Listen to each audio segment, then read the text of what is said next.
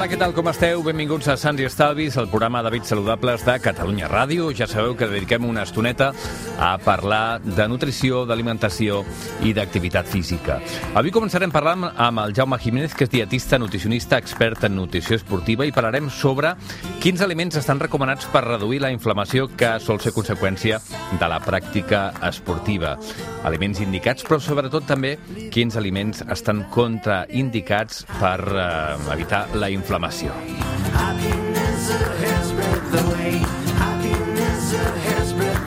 I després ens posarem a la cuina amb la Gina Estapé, que sabeu que és dietista i cuinera integrativa, per parlar de probiòtics. Quins són els aliments probiòtics, quines propietats tenen i com els podem fer servir a la cuina. Parlem d'aliments fermentats com, per exemple, el iogurt, el kèfir, el kimchi, etc. Tot per tenir una bona salut intestinal.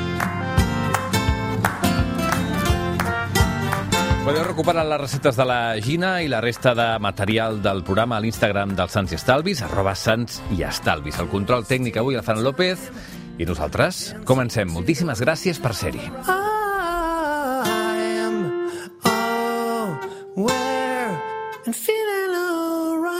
A Catalunya Ràdio estem sants i estalvis amb Adam Martín.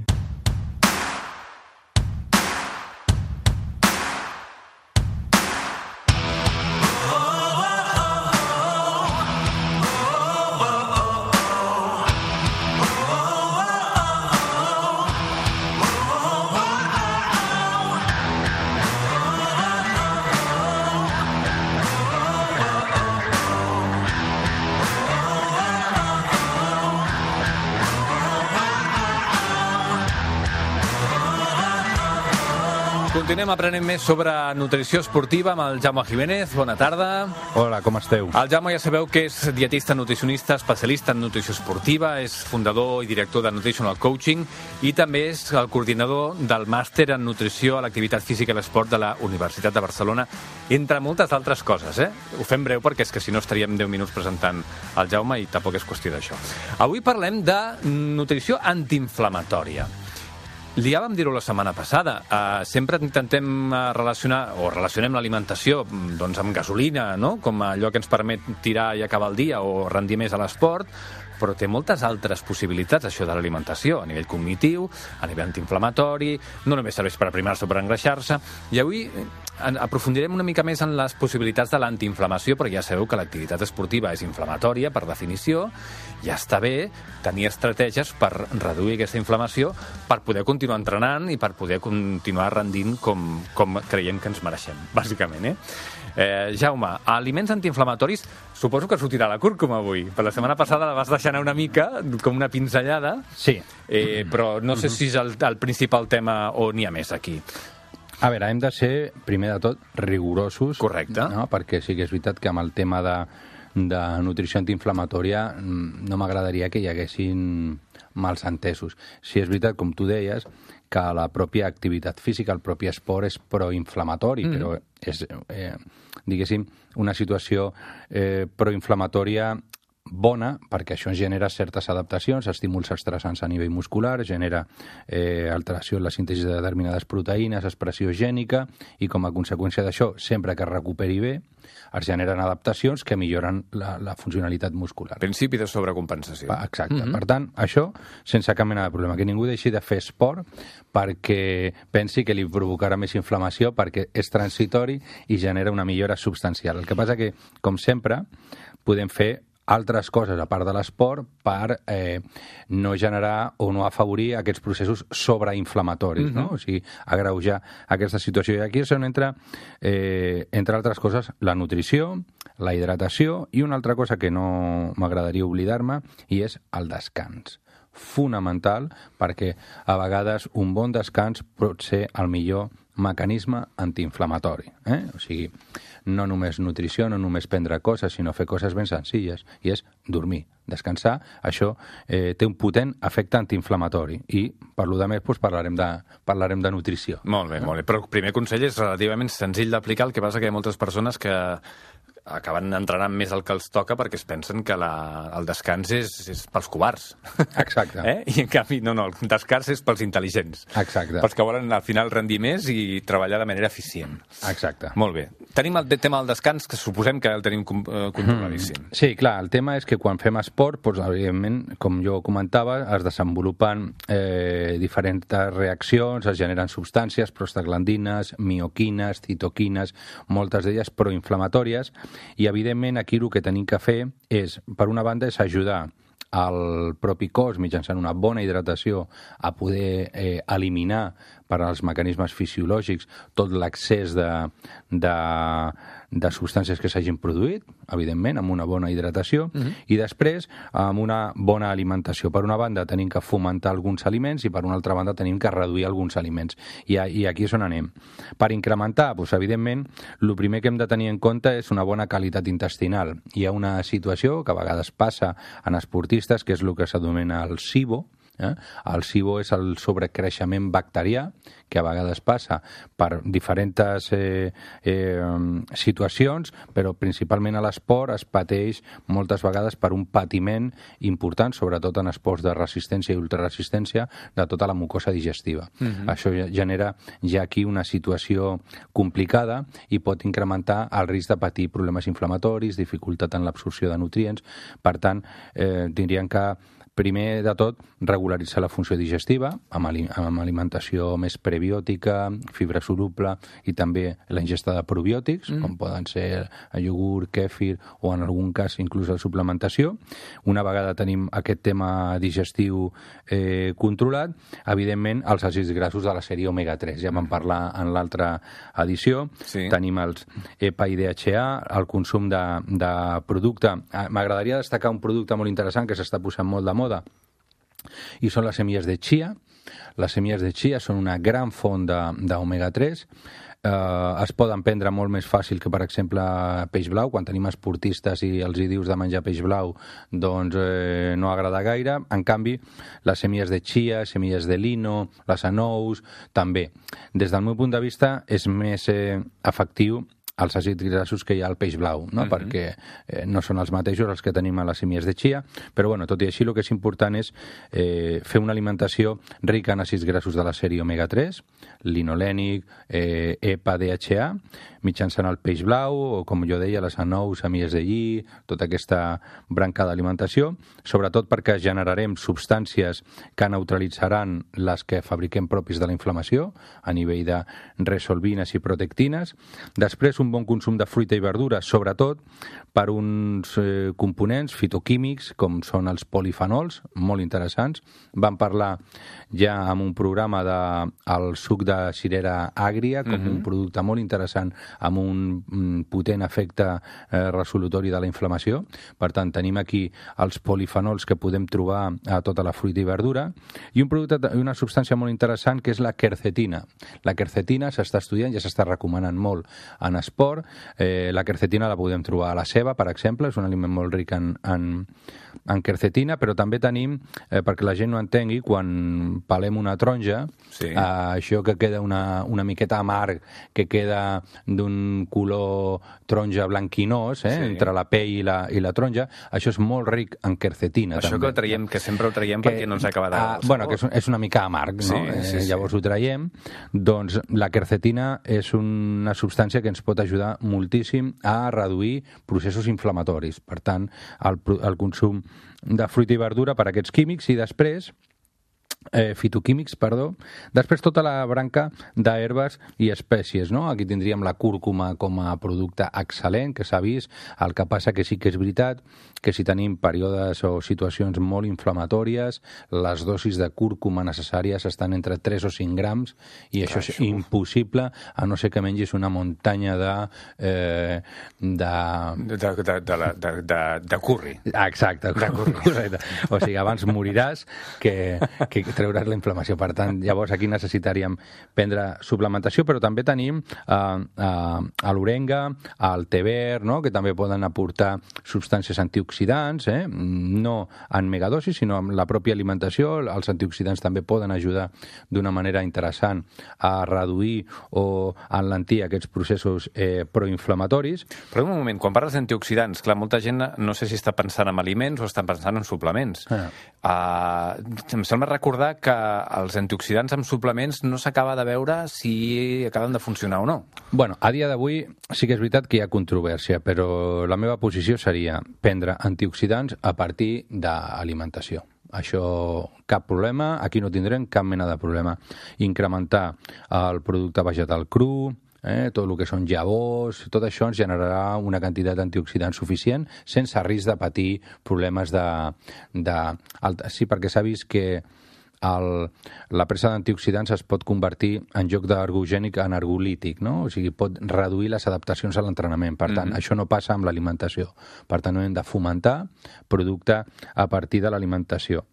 I després, un altre producte també molt interessant a nivell antiinflamatori, ho, ho trobem a la, al pebre, que és la capsaicina. La capsaicina és una substància, és un inhibidor bastant interessant de eh, certs eh, neuropèptids que tenen efecte eh, proinflamatori. Per tant, la capsaicina és un producte també a tenir en compte. De fet, hi ha cremes que es poden posar de capsaicina per reduir la inflamació, per, per l'efecte rubefaciente que tenen, però això pot ser també interessant. De fet, hi ha productes que podem trobar que porten cúrcuma conjuntament amb pebre, no? Que, eh... Sí, a més el que és el que t'anava a dir, que la capsaicina potencia l'efecte de la curcumina, segurament. Potenta, eh, potencia l'absorció, eh? però són, són productes interessants per incorporar dintre de l'alimentació normal de, de qualsevol esportista. Molt eh? bé. I, I el pebre negre, eh, si ens mm -hmm. volem beneficiar de la capsaicina, que sigui acabat de moldre, perquè si està ah, comprat sí. des de fa no sé quant de temps... Aquí I el tenim a la cuina sis mesos i fiquem una miqueta, doncs home, no. Si podem agafar i moldre al, al moment, encara millor. I després també pues, el consum de, de proteïna una miqueta més saludable. Sí que s'ha vist que que, per exemple, la, la cara ecològica doncs, eh, pot tenir un, perf un perfil d'omega-3 una miqueta més alt, igual que els sous també. Uh mhm. -huh. Llavors, bueno, seria fomentar això, tot i que ara van, vindran els aliments eh, proinflamatoris i aquí la carn vermella sí que potser no seria una de les opcions més interessants. Va. Eh? Per tant, de moment el que hem fet és una petita llista d'aliments que són bons per evitar la inflamació, per reduir-la, uh -huh. eh? i ara els aliments que hem de reduir o sí. evitar. En principi reduir, perquè això d'evitar és molt relatiu, no? Però sí que és veritat que hi ha, igual que hi ha alguns aliments eh, que tenen components pro, ah, perdó, antiinflamatoris, uh -huh. hi ha aliments que poden afavorir. O sigui, aquí entrarien als productes que són rics en àcid araquidònic, eh? com poden Car. ser les cars vermelles, principalment, els embotits, els làctics sencers, no? que, que porten tot el greix. Això sí que s'ha vist que poden augmentar certes substàncies que poden ajudar a afavorir els processos inflamatoris. Igual que els omega-3 afavoreixen les protectines i resolvines, doncs sembla que l'àcid araquidònic pot augmentar una prostaglandina que és proinflamatòria, proagregante plaquetari, fa la sang una mica més densa, i aquí, pues, evidentment, tindrien que reduir si bé pues, tot el que són aliments processats i ultraprocessats, que són rics també en greixos eh, vegetals, no? que poden afavorir tot això.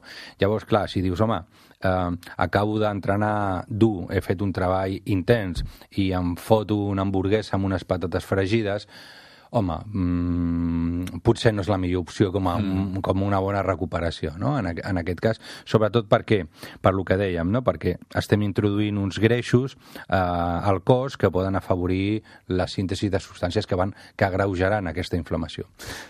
Jaume, has parlat abans dels omega-3 com a antiinflamatoris, ara has parlat de determinats olis vegetals, que suposo que és per l'omega-6, Exacte. que en determinats casos pot ser inflamatori. No tots els omega-6 ho són, però la majoria sí, no? Sí, principalment... Eh, a veure, sí que és veritat que l'àcid araquidònic és un àcid eh, realment insaturat, però es comporta dintre del cos d'una manera diferent. Sí és veritat que tot el que són eh, menjar ràpid, processats, ultraprocessats, eh, formatges, embotits, cars vermelles, tot això eh, es tindria que reduir. Mm -hmm. No eliminar, perquè, per exemple, els làctics són, una, són un producte interessant com a recuperador, mm -hmm. però sempre hem de trobar un punt, un punt d'equilibri, eh? mm. un punt d'equilibri. I no m'agradaria oblidar-me, a part d'això, evidentment, dels greixos que, que són rics en, en la sèrie omega-6, com tu comentaves, mm. és el consum de eh, hidrats de carboni refinats. Eh? Ja ho trobem a productes eh, processats i ultraprocessats, però hem de tenir en compte un, una dada que jo ja vaig donar en un programa, però va quedar una mica allà, que és que s'ha vist que quan mengem una quantitat important de sucres senzills, eh, doncs eh, al cap de, de poca estona s'incrementen a la sang eh, una quantitat de paràmetres proinflamatoris brutals. O sigui, el consum de sucre important afavoreix els processos inflamatoris i proinflamatoris. Per tant, això hem de tenir en compte, no? Això de pues, prendre una Coca-Cola eh, o beguda de cola, perdó, amb eh, un altre producte que porti molt sucre... Qualsevol refresc. Eh, home, ens pot ajudar a recuperar el glucogen, estem d'acord, però torno a dir el mateix, podem trobar un equilibri, millorar la qualitat, que no tot sigui sucre, no? Perquè eh, ahir, ahir o abans d'ahir parlava jo amb un entrenador d'un club de triatló que portem nosaltres, i clar, li vam fer una, una valoració del seu estat nutricional i sortia una quantitat de sucres eh, espectacular, no? Em deia, no, home, però si és que jo li poso mel a tot, no? Jo prenc molts sucs, no? Eh, perquè, clar, té, té sessions d'entrenament de 3 i 4 hores, és un entrenador de triatló. Ah.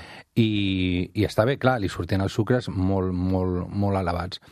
Hem de tenir en compte que el suc no és el mateix que la fruita, la mel no és la panacea que tot ho cura, podem parlar, ens pot agradar, però la mel és molt rica en fructosa.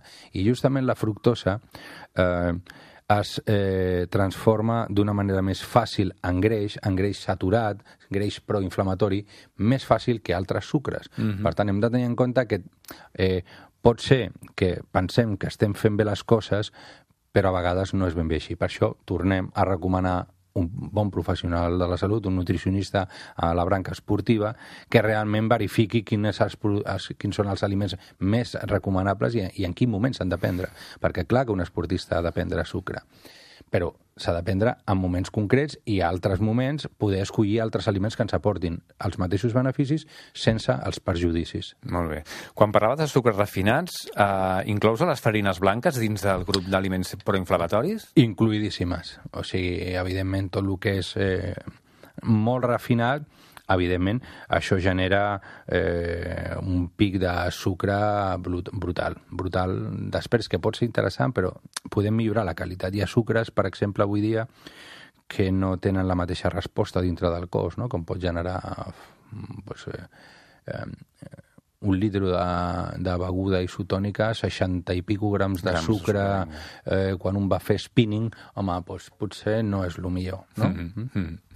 Molt bé, doncs avui hem repassat alguns aliments antiinflamatoris i després també, amb el Jaume, alguns aliments que podem reduir cas que vulguem millorar aquests paràmetres inflamatoris que tenim, eh? Després, evitar-los o no és una qüestió de cadascun. Ja sabem que hi ha estratègies per treure coses d'un lloc i de l'altre però això sempre en mans d'un bon professional que ens indiqui, que ens orienti i que impedeixi que tinguem deficiències nutricionals per voler compensar una cosa amb l'altra i al final ens quedem allò sense, sense els beneficis mm. de les dues coses, no? Jaume, moltíssimes gràcies. A vosaltres.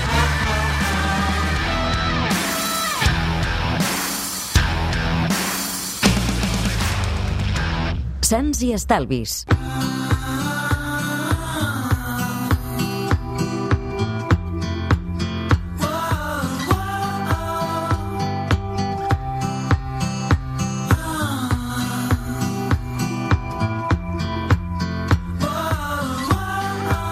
Pots aquesta música a casa, però has de tenir una casa que sigui una masia, que faci sol, que hi hagi ocells a fora, Aviram, aviram. un bosc, Sí. i poses a cuinar i et surt una receta perfecta. Sí. Si ets a ciutat ja és més difícil. Bueno, si has de tenir un terradet, no? Un àtic, un sobreàtic. És que amb aquesta música no... demana això. Sí o no? Escolta, escoltem-la i no cal secció, no? Pobreta. Gina, també bona tarda. Bona tarda. Bona tarda. Ja sabeu que últimament en vam parlar nosaltres també, es parla molt dels probiòtics per Ai, cuidar sí. la, la microbiota o el que normalment així de manera popular en diem flora intestinal. Amb la Gina, que ja sabeu que és cuinera dietista integrativa, avui parlarem dels probiòtics què són, d'on els podem treure, sobretot els aliments, on hi ha Exacte. aliments probiòtics, eh? Què són? Uh, ràpidament, perquè m'han parlat també l'altre dia de probiòtics, el David et, et faria un resum Sí. ara mateix, però potser no seria el moment. Però és una cosa de massa i biòtic és de vida, no? Una cosa així? El- Els probiòtics venen a ser... Bueno, nosaltres tenim la nostra flora intestinal, que allò és un ecosistema on tenim diverses bactèries i llevats, Mm. i ens interessa que estigui en equilibri perquè té molts beneficis en la salut. El que passa que amb el nostre estil de vida, no, amb l'estrès, que no fem exercici, mengem malament, eh, etc etc, és molt fàcil alterar aquest equilibri. Aleshores, els probiòtics són aquest tipus de bacteris que nosaltres podem ingerir a través d'aliments on aquests eh, bacteris apareixen de forma espontània, de forma natural, i que ens ajuden doncs, a mantenir aquesta flora, aquesta flora intestinal de forma saludable i a mantenir el nostre equilibri. En vam parlar en el seu moment de complements, d'on podíem treure probiòtics, vam parlar de quines eh, soques determinades feien unes funcions i quines no, i tot plegat, però també eh, podem parlar dels aliments. D'entrada, a, a través dels aliments, a tothom li van bé els probiòtics quan els menja a través dels aliments o hi ha persones que haurien de vigilar? Generalment, sí. Generalment, i de fet són beneficiosos perquè tothom eh, n'incorpori eh, al seu dia a dia i a la seva alimentació. El que sí que podem trobar és persones que potser tinguin eh, un sobrecreixement bacterià que se n'hi diu SIBO i en aquestes persones sí que potser quan prenen eh, algun dels aliments que ara comentarem que són probiòtics poden notar que se'ls infla molt la panxa, més gasos de lo normal, més distensió abdominal, que s'inflen. Aleshores, això Per què, és... mi- per què em mires a mi? M'està mirant a mi. Jo no sóc al·lèrgic a la... Això em passa, li passa a la meva dona que si veu llet li passa tot això. Però vaja... Que deu ser intolerant. Però deu ser per la lactosa, Però no ho ha sigut mai, no ho ha sigut mai. Mm. Vaja, no ho sé, no ho sé, és un altre tema. Però ara pensava en això i dic, mira... La teva dona es- escolta el programa? Potser, eh, no, no li, no li deixo. No, encara, encara se'm tornarà Ah, pro, que- ah, que- probiòtica. Que li has de donar permís tu per fer les coses? No, faci el que vulgui, evidentment. Menys escoltar Però és que no li, he dit, no li he dit que faig sense estalvis. No li has dit, no ho No he sap, eh? no No, ho millor que no li diguis, perquè males companyies ja sap que no. Molt bé. Aleshores, aquestes persones que puguin tenir aquests símptomes, a les- jo sí que recomanaria és, primer, aneu amb un dietista nutricionista que us pugui pautar una, una dieta especial per vosaltres per poder reduir aquests símptomes i millorar tot el que és eh, el, el nostre intestí i un cop haguem repoblat bé, aleshores sí que podem incorporar aquests aliments que aleshores segurament ens sentaran millor. Molt bé, molt bé. Doncs uh, anem pels aliments, que aquest és un tema que t'atabalava molt Sí. fa un parell de setmanes. Sí. D'on traiem els Perquè ara probiòtics segur que... alimentaris? Jo recordo alguna del, del kefir, no? És un kefir? Exacte, un per kefir. exemple, per exemple. A veure, quins aliments són probiòtics? És a dir, contenen aquests bacteris beneficiosos. Mira, del, eh, dintre el grup de les verdures trobem tot el que són verdures fermentades, com pot ser el xucrut, la col fermentada típica alemana. Mhm. El xucrut és un aliment probiòtic. També trobem el kimchi, que aquí potser no és tan conegut, sobretot es troba en cuina coreana, i és un tipus de, també de cols, i molt similar al xucrut, però que també té aquesta activitat probiòtica. El que és important és que quan el comprem trobarem xucruts a la zona refrigerada i trobarem xucruts en pot. Moltes vegades el que no estan en zona de refrigeració estan pasteuritzats. Aleshores, si estan pasteuritzats, aquests probiòtics ja no estan vius, com si diguéssim. Clar, els bacteris... en Es moren amb- la amb l'escalor. temperatura- No hi ha res de la dieta mediterrània? De ser xucrut i crinchi, ximxi? No, ara en parlarem, ara en parlarem. És que si El iogurt, ara en parlarem, tranquil. Ah, val, val, val. Aleshores, si hem de triar un, un xucrut, millor que anem a la secció refrigerada, que sempre en, en sol haver-hi algun, ja que ell tindrà molta més activitat probiòtica. Llavors, en qualsevol cas, eh, el que hem de mirar és que no estiguin pasteuritzats, Exacte. ni sotmesos a cap procés tèrmic, Exacte. ni cap cosa d'aquestes, perquè això es carrega els bacteris, els dolents, els patògens, però també els bons. Exacte. D'acord, molt bé. Xucrut, Després també- kimchi. I això també hi ha els pickles, no? També hi ha els pickles, exacte, que són tots aquests eh, verdures adobades que venen amb vinagre. Perdona, Gina, no, és ric de... No, no, tu, tu, tu dius coses molt interessants, però no, és que em fa molta gràcia. Res, segueix, segueix. Els pickles són Els pastanagues, pickles, sí, sí, home, tota la vida els pickles, sí, home. Perdona, fa un minut no deies el que era el kimchi. No sé què I és el d'aquí un minut tampoc ho sabràs. No ho sabré, no, no. Són verdures fermentades. Exacte, tots els pepinillos, totes aquestes verdures encurtides, tot això també són probiòtics. Ah, això ja t'entenc, val. Les llaunetes amb... Val, això sí. Després també trobem els clàssics, el, el formatge, el iogurt i el kèfir. Mhm. Recordem per això que és millor que si comprem un lacti, que sigui un lacti de qualitat, que sigui natural, que no porti ni sucres, ni colorants, ni coses afegides, i si és de cabra o ovella sempre serà un lacti de millor qualitat. Per Mhm. tant, si podem trobar un iogurt o un kèfir de cabra o ovella i natural, molt millor. I si és de procedència ecològica, ja encara més. Val. Que aquí són ja els lactobacillus, aquelles històries, Exacte, eh? Que exacte. Els acidòfilos... I els bífidos no estan aquí, també, o no? També. Sí, senyor. Jo prenc Actimel, tu. Ai, No seria el mateix, eh? no. No? Mira, sense... Els vaig de ventre, fantàstic, eh? Vull dir, escolta, jo Oh, la, flor, la flora intestinal la tinc... Et deu ajudar d'anar... És primavera, la tinc, la tinc en primavera ara mateix, la flora intestinal. Més coses. Després trobem eh, també una beguda que ara s'ha posat molt de moda, que és el kombucha, que és... Perdó, perdó. Al David li fa molta gràcia els noms d'avui. Tot és amb K. Per què és amb K tot? Però és igual. Ja, ja, ja, ja faré un Doncs no programa sé. sobre les Ks. M'agrada perquè fa, fa una pregunta i després diu, no, no és igual, no me la contestis. No, perquè no sé què... La kombucha està bé? La, la kombucha està molt bé. La kombucha és una, una beguda a la que s'afegeix un fong, i doncs aquest fong se li dona d'aliment i aleshores el que fa és fermentar. Mm. I aleshores és quan crea aquesta propietat probiòtica. Beguda de què? Ho has dit o no? Beguda de... És una beguda, però... Sí, després n'hi ha De de fet- molts gustos perquè després és, en, en aquest kombucha li afegeixen pues, el millor taronja, li afegeixen Però la base és aigua, aigua amb, amb això o és llet amb no sé què? Vull dir, No, la, la kombucha base és, és aigua. Sí. La kombucha és aigua. Sí, sí, sí. L'únic que després pots trobar de gustos perquè li afegeixen. Val, val. Però sobretot és el, la, el que li dona la propietat probiòtica és aquest fong que alimenten amb, per fa- formar aquesta beguda. Molt bé. Després també trobem aliments orientals, que ara també són molt coneguts aquí, que és el miso, de la típica sopa de miso japonesa. Ah, no rius ara amb el miso perquè el coneixes, És que eh? no, no vull riure a cada, a cada, a cada ingredient que diu perquè semblarà que... Però em fa... Sí, el miso és el dels sobres. Jo hi ha sobres amb la sopa de miso, no? Mira, veus, fas bé de dir-ho perquè aquests no tenen propietats, els sobres en pols. Estan deshidratats. em- Clar, tampoc hem de trobar la pasta, la pasta de, La pasta de, de miso. miso. Pasta de miso. I després també tenim el tempe, que el tempe és un producte fermentat de la soja, que també, doncs, al agrada molt, deixar-se a l'Adam. fermentar es... M'agrada molt el tempe, probiòtiques. Sí, sí, sí. La veritat és que està molt bo el tempe, sí. Hi ha gent que no li agrada gens, eh? Perquè té aquesta cosa, de- aquesta sabor de nous estrany, que nous barrejat amb un tema així... Hi ha gent que no li agrada, però a mi m'agrada molt. Mm. Home, i és molt més gustos que el tofu, per exemple. Sí. Un tempe. Però un dia parlarem de com cuinar el tofu bé, també. Perquè aquí la gent fa unes soles de sabat amb el tofu espectaculars. Eh? Dues I després diuen, tofu és tofu." dolent. El tofu, home, costa, però no té per què ser dolent necessàriament. És tan No. dolent com el cuiner o la cuinera que el prepara. Això ho dic sempre. Mira, no, no, Estic no, avorrit de sentir-me. no treballo. Val. Ah, perdona, el miso en pasta, eh? És a dir, estem buscant un pot de vidre o un sobre, un, un pot de plàstic o el que sigui, que conté una pasta dins. Exacte, i que normalment també ho trobem amb, amb neveres refrigerades. Val. Sense pasteuritzar, millor Sense també. pasteuritzar, exacte. D'acord. I després també tenim el vinagre de poma, que el vinagre de poma no és que sigui un probiòtic Ah, en si, preguntar. no és un probiòtic en si, però sí que s'ha vist que el, em sembla que és la pectina de la poma que porta el vinagre que ajuda a potenciar la, el creixement de les bactèries bones. Per tant, no és ben bé un probiòtic, però sí que reforçaria una mica aquesta acció probiòtica. Ah, molt bé. Perfecte. Doncs hem parlat del xucrut i del kimchi. Pots riure.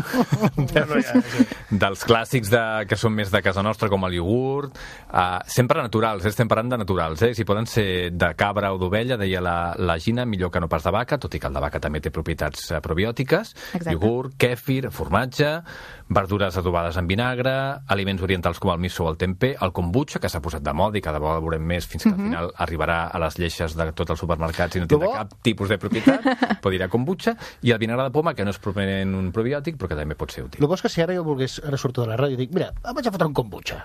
No sé on anar i m'encanta. Saps què vull dir? No tinc ni pajotera idea d'on he d'anar a fotre'm un kombucha. Ja. Tu sí, tu clar, tu... Sí, sí. Però bueno, doncs va, digueu, no ho sé, per qui vulgui fotre's un kombucha. Bueno, supermercats especialitzats en això. Sí, i ara hi ha molts, també hi ha molts bars i restaurants que tenen així una, una Una categoria línia. més, sí, més saludable o el millor vegans o vegetarians que com a opció de beguda també tenen el kombucha. Mm. Per tant, és qüestió de, de preguntar. Molt bé, molt bé. Molt bé. I amb tot això farem un plat.